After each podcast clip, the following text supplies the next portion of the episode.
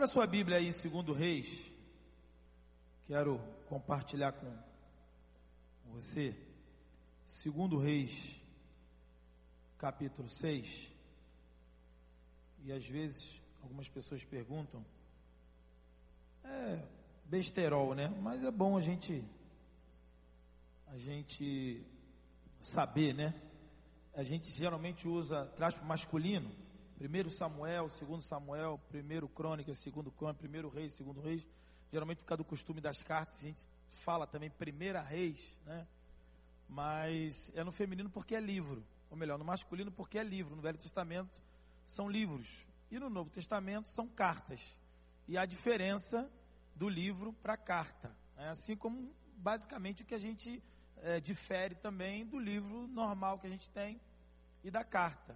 A carta geralmente tem uma data, a carta geralmente tem um, um, um, um remetente definido, tem uma pessoa que vai estar re recebendo também definido. Então, o livro é mais holístico, é mais amplo, ele é mais estendido, e aí geralmente ele é maior também, a sua extensão no, no que se refere a conteúdo também. Então, no Velho Testamento aqui, Samuel, Reis e Crônicas são livros e lá na, na, na frente, no Novo são cartas. Por isso que fala feminino, carta, obviamente, que a carta e o livro masculino. Então vamos abrir o segundo livro de Reis, segundo Reis, capítulo 6, do versículo 1 ao versículo 7. A, a história de Eliseu, você deve conhecer essa história. Ah, quem participou aqui nesse tempo, onde o pastor Wander fez sete mensagens na campanha sobre Elias, né? não foi coincidência, né? não foi coincidência bíblica. Foram sete mensagens, ele falando sobre Elias, o homem que cuidava.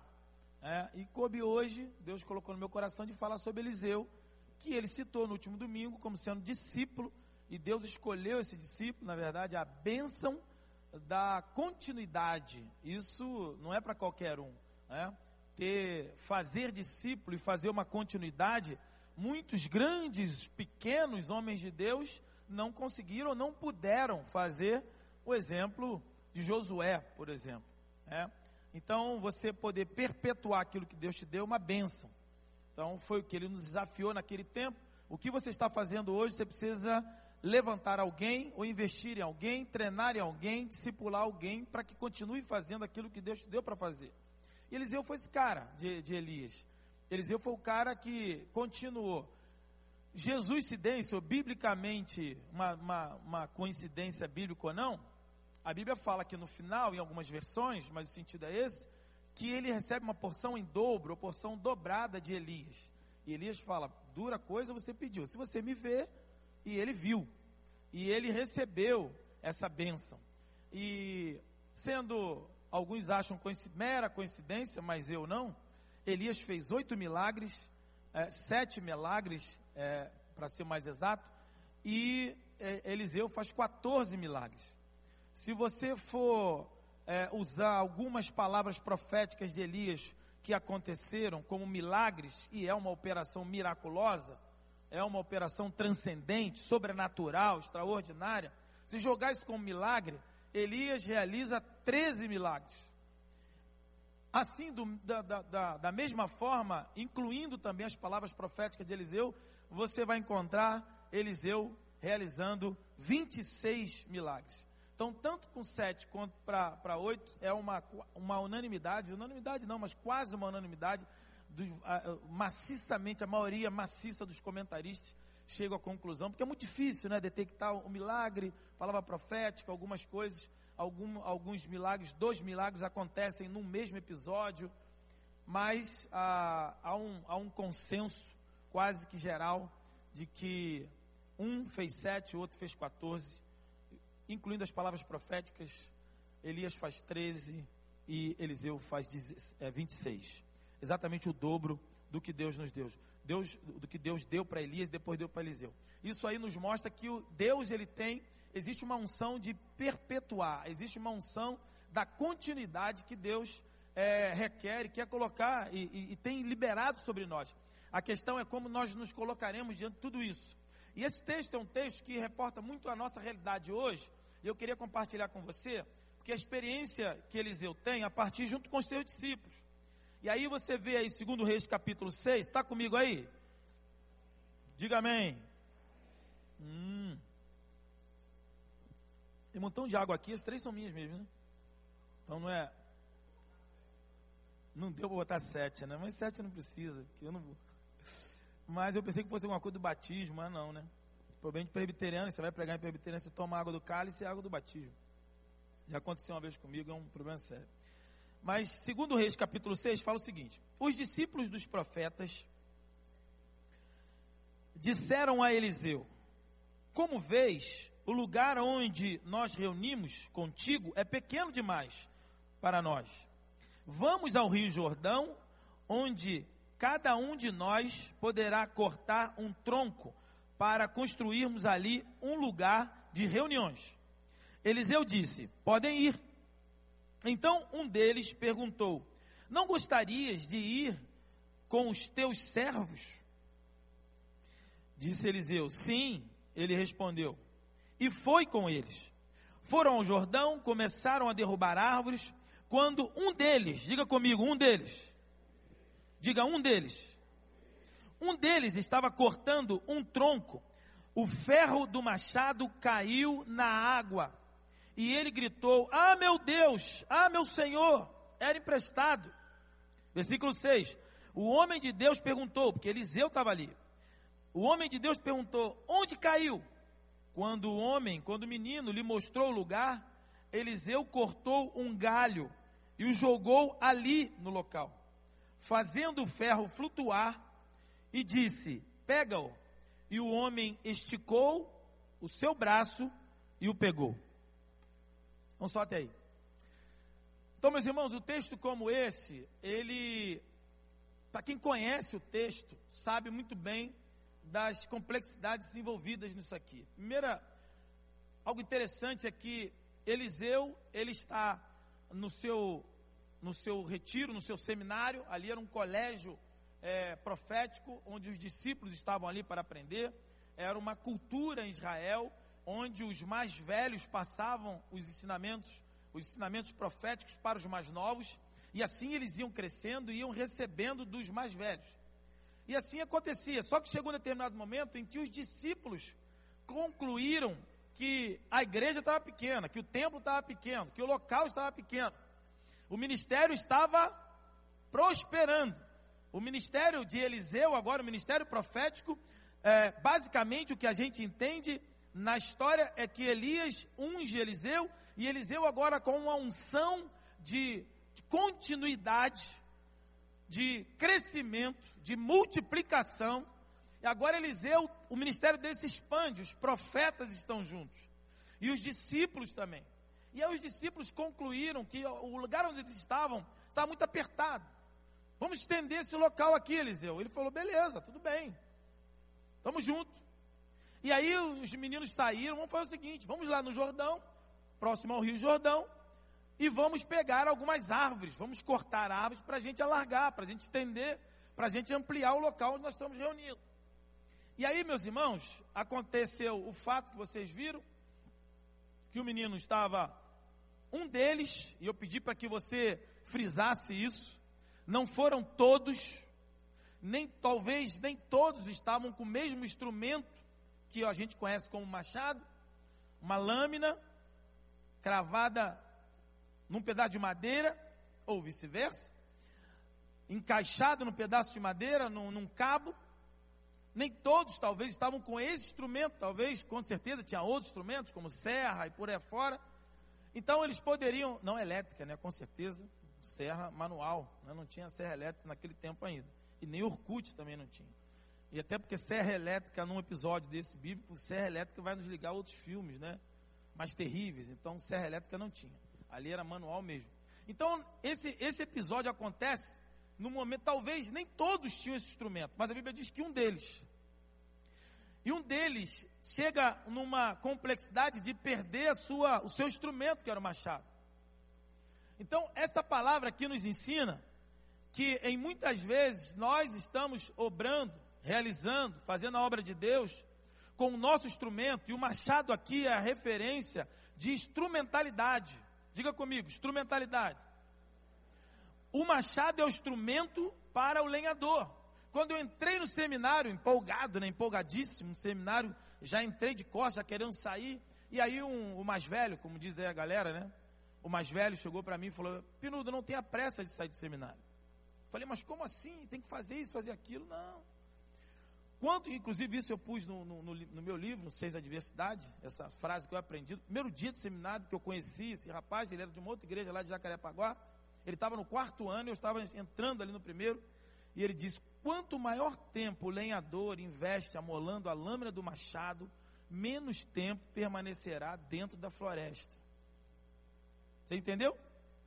Quanto mais tempo o lenhador investe amolando a lâmina do machado, quanto melhor estiver afiado, amolado o machado, menos tempo ele vai permanecer na floresta. Porque o que ele vai entrar na floresta, floresta, o que ele tem que fazer, ele vai fazer rápido e vai sair.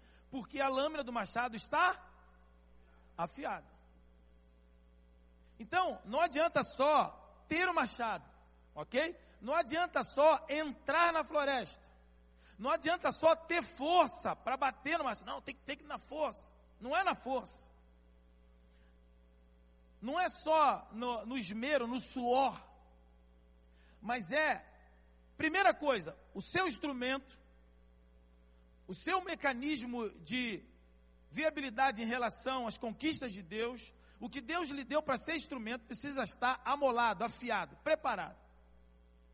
E aí essa palavra me vem à mente, hoje a, a ideia que Deus coloca no meu coração é a gente meditar sobre o meu machado, o meu machado cuidado por Deus.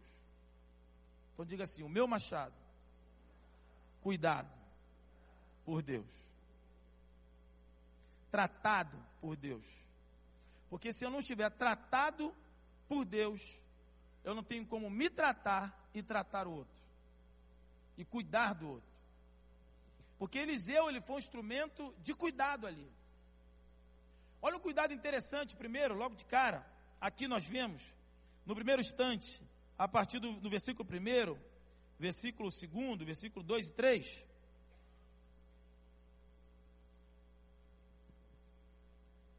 Que eles vão até o Jordão e eles falam o seguinte: Ô Eliseu, nós vamos até lá, beleza? Beleza, pode ir. Ô meu pastor, meu profeta, meu amigo, meu parceiro, meu discipulador, você não pode ir com a gente, não? Sim. Olha a disponibilidade de Eliseu. Eliseu talvez queria ir, mas ele queria saber qual era a disponibilidade de sentimento desses meninos. Porque essa, essa operação partiu deles, não de Eliseu. Eliseu estava disposto, disponível. São duas palavras parecidas, mas são distantes. Às vezes estamos disponíveis, mas não dispostos. Às vezes estamos dispostos, mas não disponível. Eliseu estava disposto e disponível, mas queria saber qual era deles. Eliseu, vem com a gente, vem comigo, vamos conosco, para que a gente possa cortar e você esteja com a gente. Ele disse, ok. E aí, a primeira bênção que a gente vê no texto, primeiro cuidado, é o cuidado de andar juntos.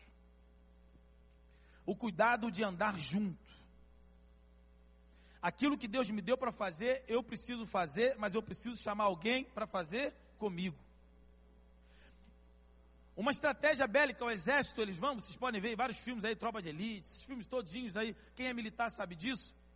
Eu não fui militar, meu pai é militar até hoje, né? Porque verde oliva jamais abandono verde oliva, estudei no colégio militar. E a estratégia militar é que um vai cobrindo o outro. A estratégia do exército é avançando, conquistando terreno, por, porém um dependendo do outro, um ajudando ao outro. Sim ou não? A igreja é um exército, sim ou não? Sim, nós somos exército. Então, inclusive é um jargão, uma ideia por aí, uma, uma, uma mensagem que a igreja é o único exército que mata os seus feridos.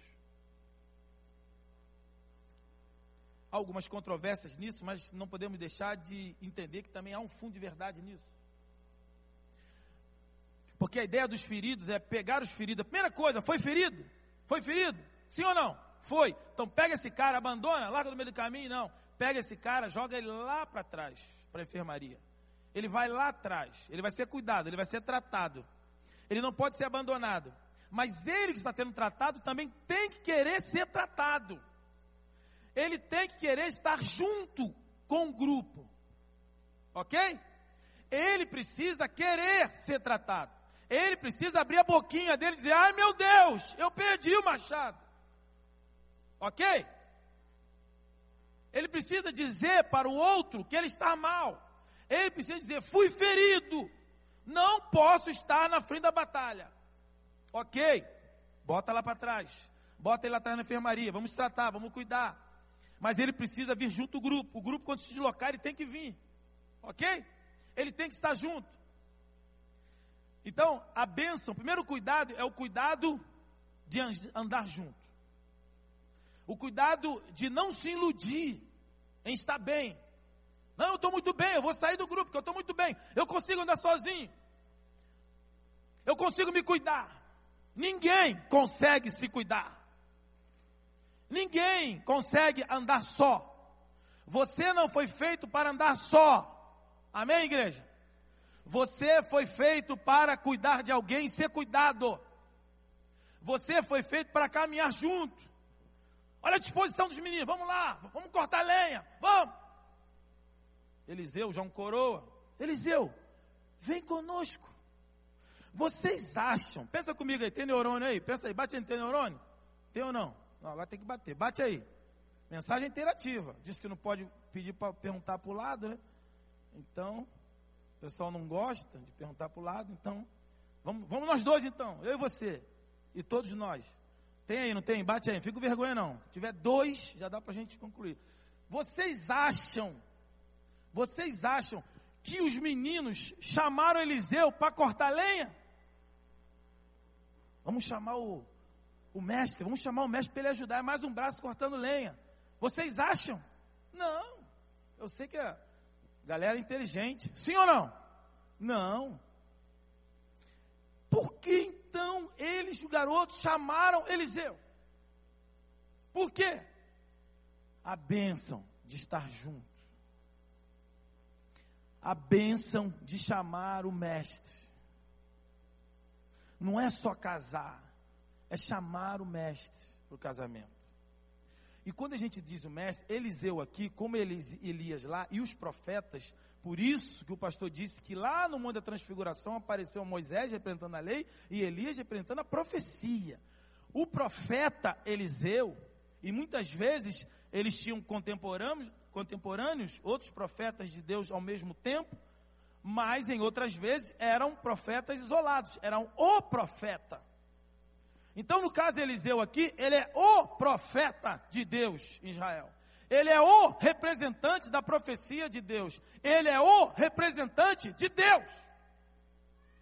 Quando você está no seu trabalho, você está lá sendo profeta de Deus? Se não tem profeta aí, levanta a mão aí. Tem profeta de Deus ou não? Tem ou não tem? Levanta aí quem é profeta de Deus. Amém.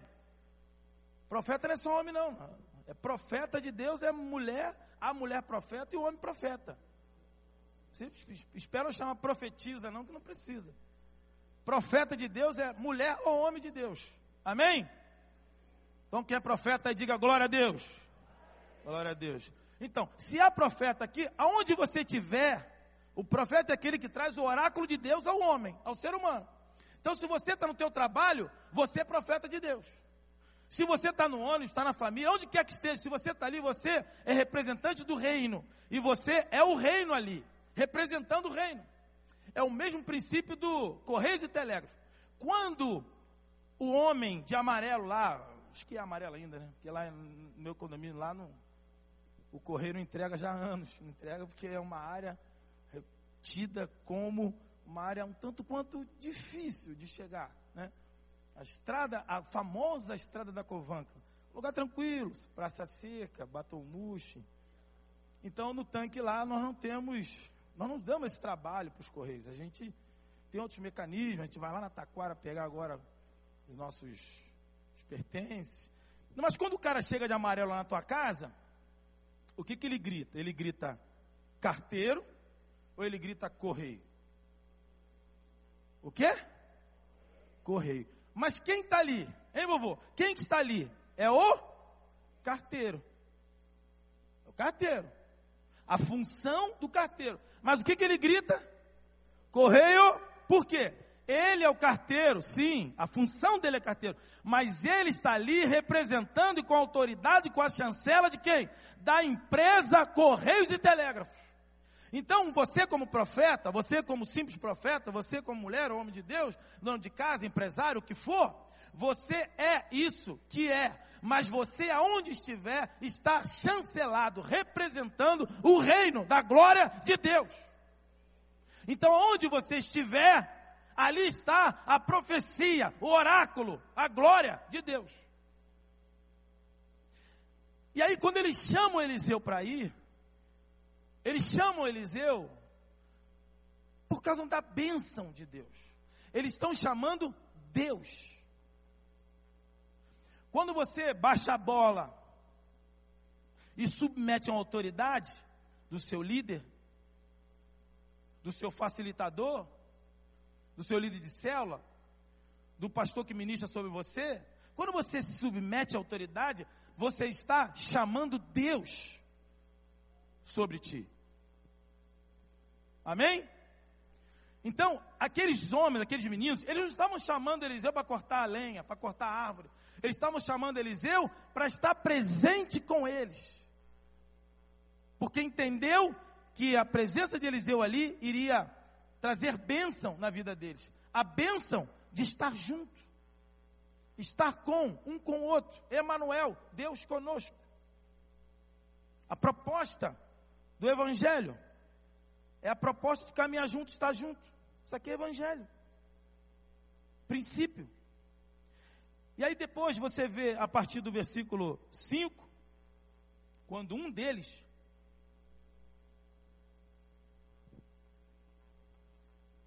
tem um problema no machado, e ele começa a bater o machado. Quem já deu machadada aí? Várias pessoas, ó.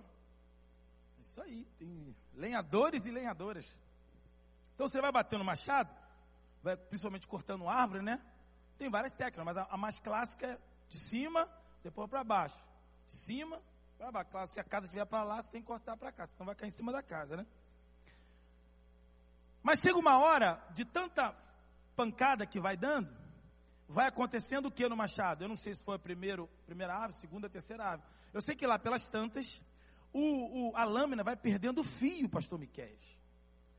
Ela vai ficando cega. É igual a faca, a carne.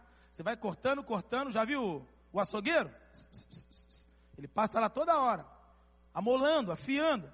Porque o uso permanente, contínuo do instrumento vai gerar pode gerar incapacidade. E com o excesso dessa força, a lâmina perdeu o fio. E quando perde o fio, começa a ter que bater mais, usar mais força. E nessa de usar mais força, aquele aculho que tem lá em cima que prende a lâmina na madeira, no cabo, ele vai soltando, vai soltando. Isso acontece com a enxada também. Quem já deu enxadada aí, levanta a mão. Várias pessoas também. Acharam minhoca não? Cada enxadada é uma minhoca. Você está ligado, né? Então, agora quero ver quem, quem, quem capinou sentado. Aí que eu quero saber. Capinar sentado não é mole, não. Então, a enxada também é assim. Você vai, vai, vai, daqui a pouco aquele aculho, aquele ferrinho, aquela, aquele, aquele pedacinho de madeira ou madeira maciça que você coloca ali para apertar, ele solta. Por causa da pancada. E aí o que aconteceu? Nessa, tum, tum, olha o movimento tum, tum,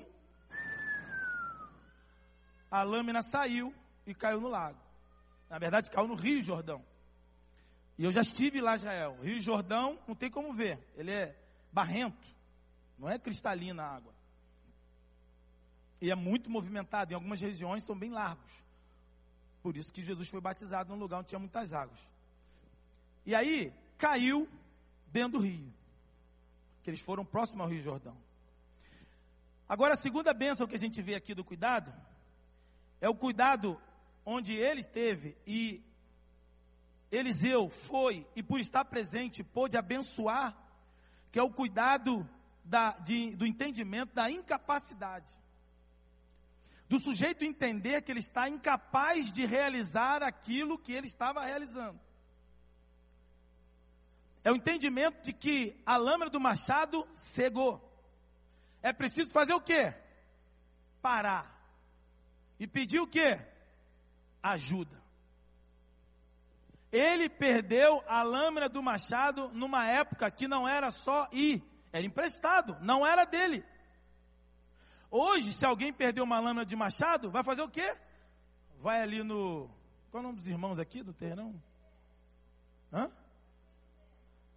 Na C Pode ser, mas os carvalhos, o cara vai ali nos carvalhos. C tem que dar uma oferta aí para a obra da igreja aí, né? Aí vai ali numa loja de material de construção, vai lá e compra, molinho, né? Passa o cartão, paga em dinheiro. Mas naquela época, perder uma lâmina de machado era algo terrível. E ele gritou. Ele parou, porque não tinha como continuar dando paulada na, na madeira. Ele parou porque ele perdeu a lâmina do machado. Ele parou e ele pediu ajuda. Diga comigo, ele pediu ajuda. Sabe por quê? Porque ele, ele entendeu o momento da sua incapacidade. E ele parou e ele pediu ajuda. Ai meu Deus, porque era emprestado. E aí o que aconteceu? Olha o cuidado de Eliseu. Eliseu logo está ali. Por que, que Eliseu se aproximou? Porque Eliseu foi convidado. Amém? Olha, quando você convida pessoas que possam ministrar sobre você, quando você convida pessoas a estar caminhando com você, quando você convida pessoas que podem te ajudar, na multidão de conselhos, a sabedoria, não anda sozinho, não anda isolado, porque na hora que você perdeu o teu machado, quando você gritar, na verdade ele não pediu nada, ele só pensou alto, ele gritou. Mediante a perplexidade, ao caos que ele se meteu, ele diz: "Ai meu Deus, porque era emprestado". Mas porque o homem de Deus, representando Deus, estava ali, porque foi convidado, ele pôde ser ajudado. Ele pôde ser ajudado pela bênção de andar junto. Andar junto é uma bênção. Porque quando você grita, ai meu Deus, alguém te ajuda. Como Davi sussurrou, ah, que tal, que me dera beber água lá de Jerusalém. Os caras foram lá e pegaram e trouxeram para Davi. Ele não bebeu, jogou no chão. Você conhece essa história. Ele entendeu a sua incapacidade. Porque a melhor coisa que a gente pode fazer, meus irmãos, é entender a nossa incapacidade. Esse menino, com certeza, esse discípulo, era um, um uns daqueles que saíram ávidos, saíram ávidos, cheios de disposição. Vamos cortar lenha, vamos embora, todo mundo. Mas no meio do cortar a lenha, ele entendeu que ele se tornou incapaz. Porque ele perdeu a lâmina do machado ele não escondeu, ele não fingiu, ele não continuou fazendo movimento. Que alguém olha de longe, vê ele fazendo movimento e ela está trabalhando. Não, ele parou, porque ele viu a sua incapacidade. E sabe o que, que Deus se amarra?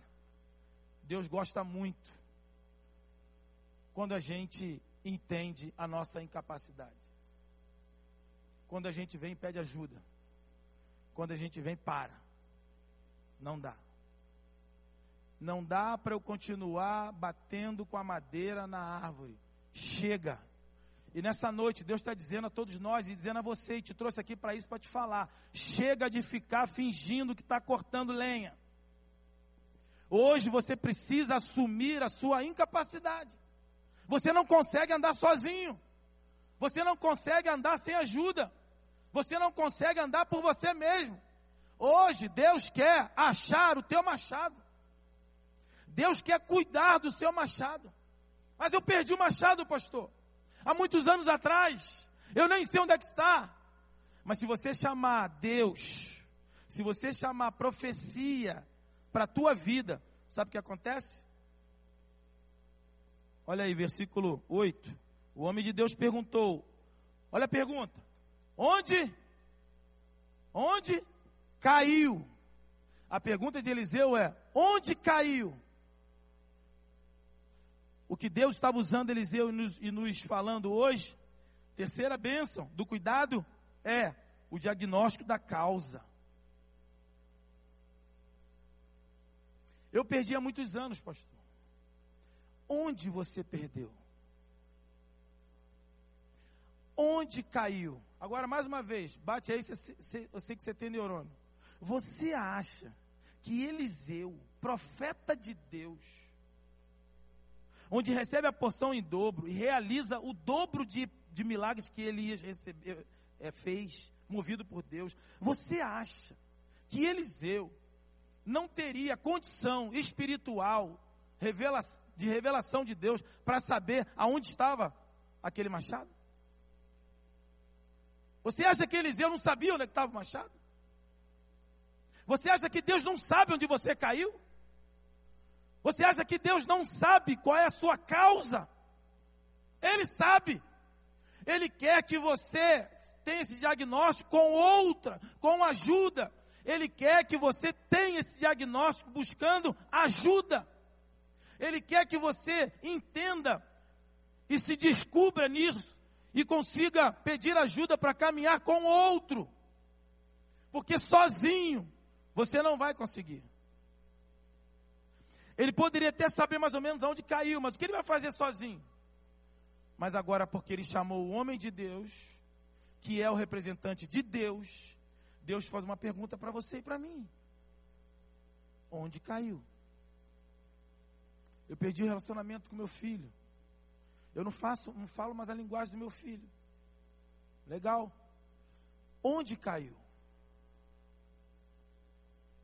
com a minha esposa, com meu esposo, no meu trabalho, eu perdi, eu perdi o prazer pelo trabalho. Eu orei tanto por esse trabalho. Deus abriu as portas, colocou o trabalho. Lembra que você fez culto de ação de graça? Você adorou, louvou a Deus, você agradeceu, chamou pessoas quando você entrou nesse emprego, nesse concurso, nesse trabalho. Hoje você trabalha pelo dinheiro. O teu Deus não é Jeová. O teu Deus é o dinheiro. Não pode. Você não pode trabalhar movido pelo dinheiro. Você não pode só é, estar casado somente por estar, você precisa ter prazer nisso. Você precisa que Deus restaure o seu machado. Você precisa que Deus venha amolar novamente esse machado para a honra e glória dele, de Deus. Esse novo relacionamento com filho, com pai, com irmãos, com família, com ministério. Você toca só por tocar, você prega só por pregar, você canta só por cantar. Você vem à igreja só para carimbar? A sua presença como um aluno? Homem, muitas vezes, a chamada é que hora? 11 horas. Depois de 11 horas eu vou embora. Assinou a chamada e vai embora. Isso aqui não é colégio comum, isso aqui não é uma firma. Você está entendendo o que Deus está falando com você? Sim ou não? Glória a Deus. Identificar a causa. Onde caiu? Quando o homem lhe mostrou, porque ele sabia onde é que estava, viu? Quando ele mostrou o lugar, Eliseu, preste muita atenção agora nisso aqui, irmãos. Se você tem um costume, não sei se está sendo exposto aqui, mas versículo 6, não feche sua Bíblia não, para a gente encerrar. Eliseu cortou um galho. Eliseu fez o quê? Cortou um galho. Então vamos lá, o neurônio está tá bombando aí que eu sei, né? A viagem é, é, é doida, mas a gente chega lá. O cara estava no movimento aqui, não estava? A Bíblia não diz, não precisa dizer. É revelação, mais vontade de acreditar. Amém? A lâmina do machado que caiu no lago, não é isso que a Bíblia diz? A lâmina do machado, não foi o machado, a lâmina do machado. Ou seja, se a lâmina caiu no lago, e esse possivelmente foi o um movimento, o que, que ficou na mão dele? O que? O cabo. Por que Eliseu? Você respondeu agora não. Reflete na cama quentinha, deixa Deus falar com você, e depois você responde para Jeová, para Deus.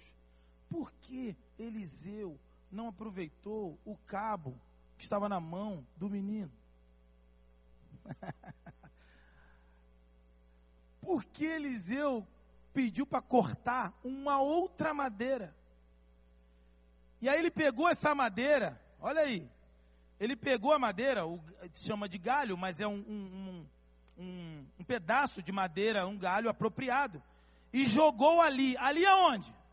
Ali aonde? Onde caiu.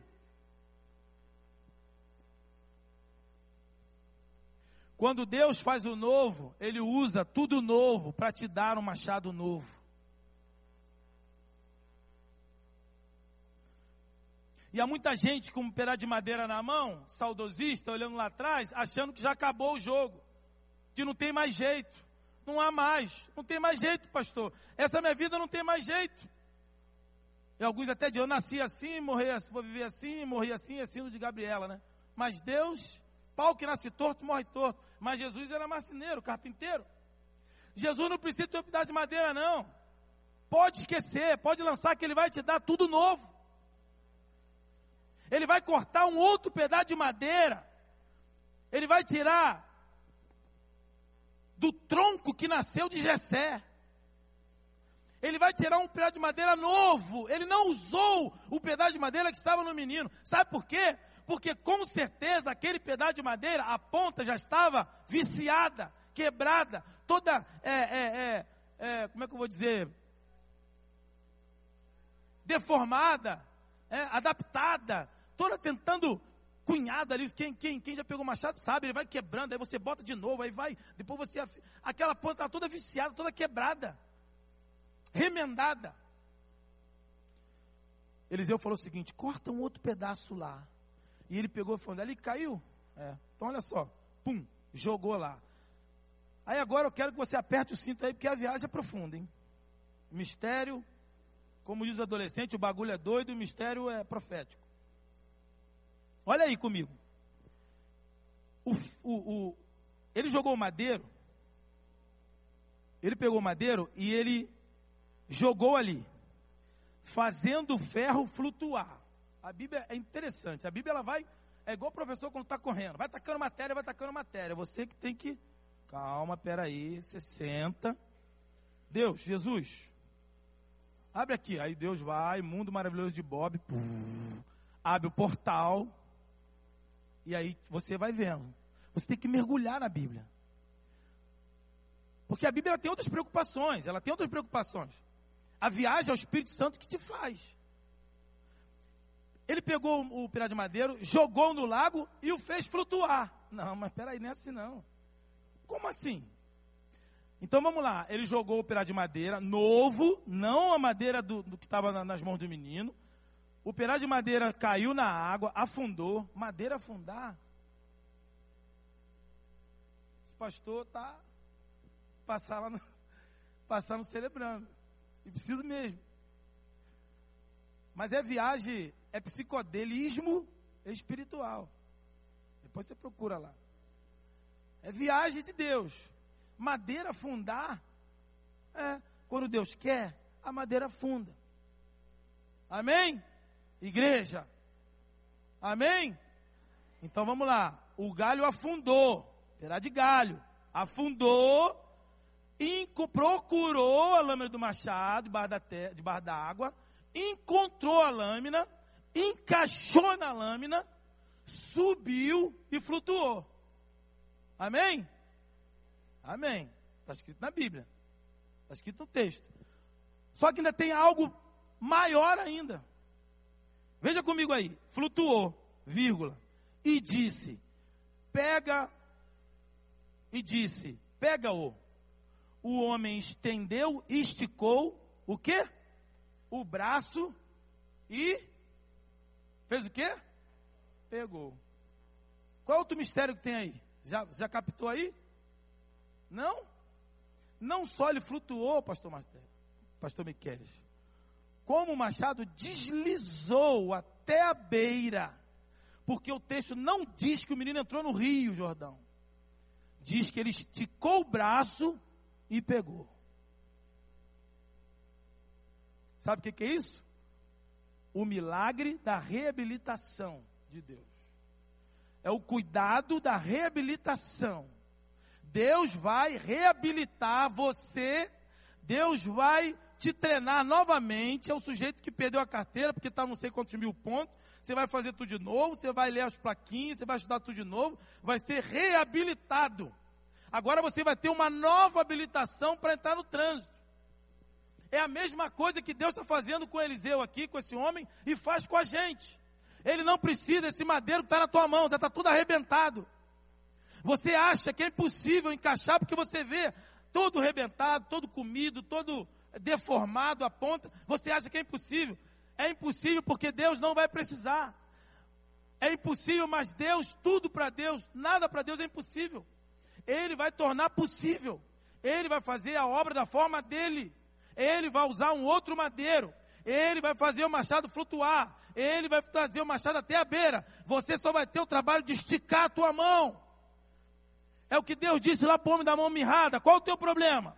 O homem, o problema do homem era a mão mirrada. Aí ele veio até Jesus. Qual é o teu problema? Jesus, eu tenho um problema na mão mirrada. Minha mão é mirrada, é ressequida. Eu não consigo estender. O que Jesus falou para ele? Lembra? Fica curado? Não. Ele disse: estenda a tua mão. Aí o menino, o, o, o homem lá dentro, fala: Não, mas Jesus não tem. Não, você não está entendendo.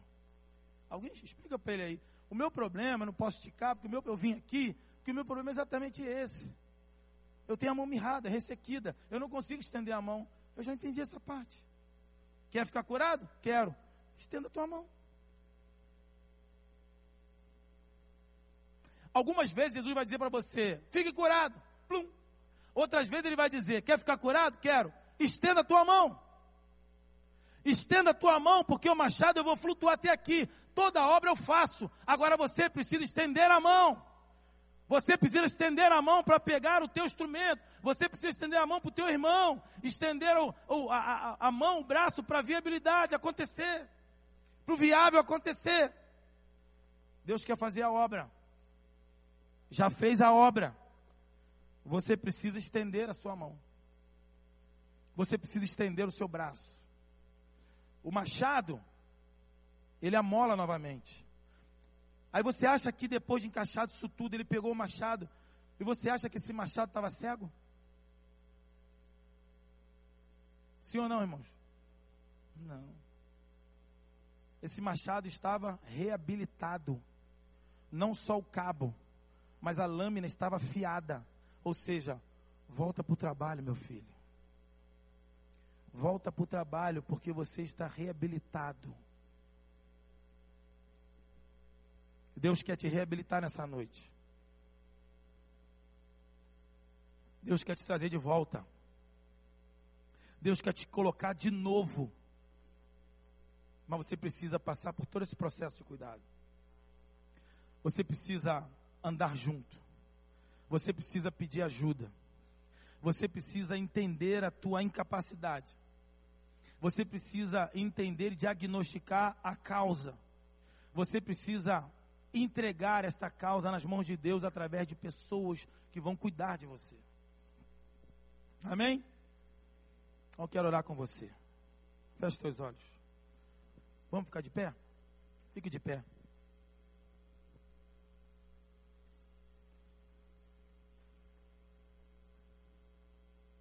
Vamos adorar uma, uma canção, uma parte. Eu gostaria que você fechasse os olhos agora. Eu gostaria de fazer uma grande pergunta agora, uma pergunta definitiva para você. Uma pergunta que vai definir o processo do teu machado. O processo de toda a reabilitação de Deus na tua vida. Feche teus olhos. Você entendeu essa palavra? Se você entendeu essa palavra, você entendeu que você precisa que Deus venha reabilitar o teu machado, a sua vida venha amolar novamente a tua vida, tornar, lhe dar sentido. Se você quer isso, você precisa se entregar hoje nas mãos de Jesus. Você precisa convidar Deus, como aqueles meninos convidaram Eliseu. Você precisa confiar na profecia de Deus. Você precisa convidar Deus a caminhar contigo.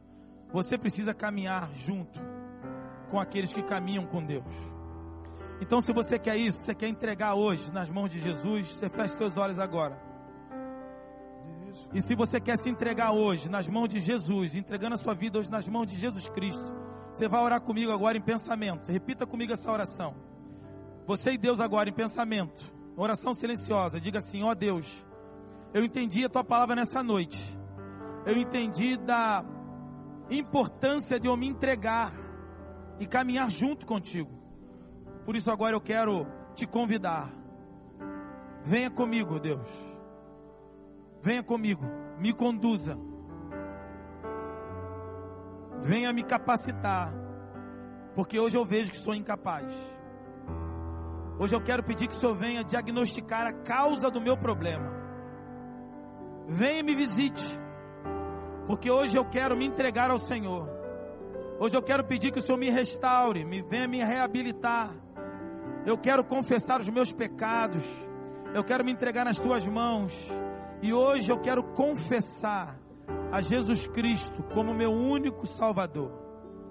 Eu me entrego em tuas mãos, peço que o Senhor entre na minha vida, faça morada, transforme o meu coração e faça uma obra na minha vida. Eu te peço isso em nome de Jesus Cristo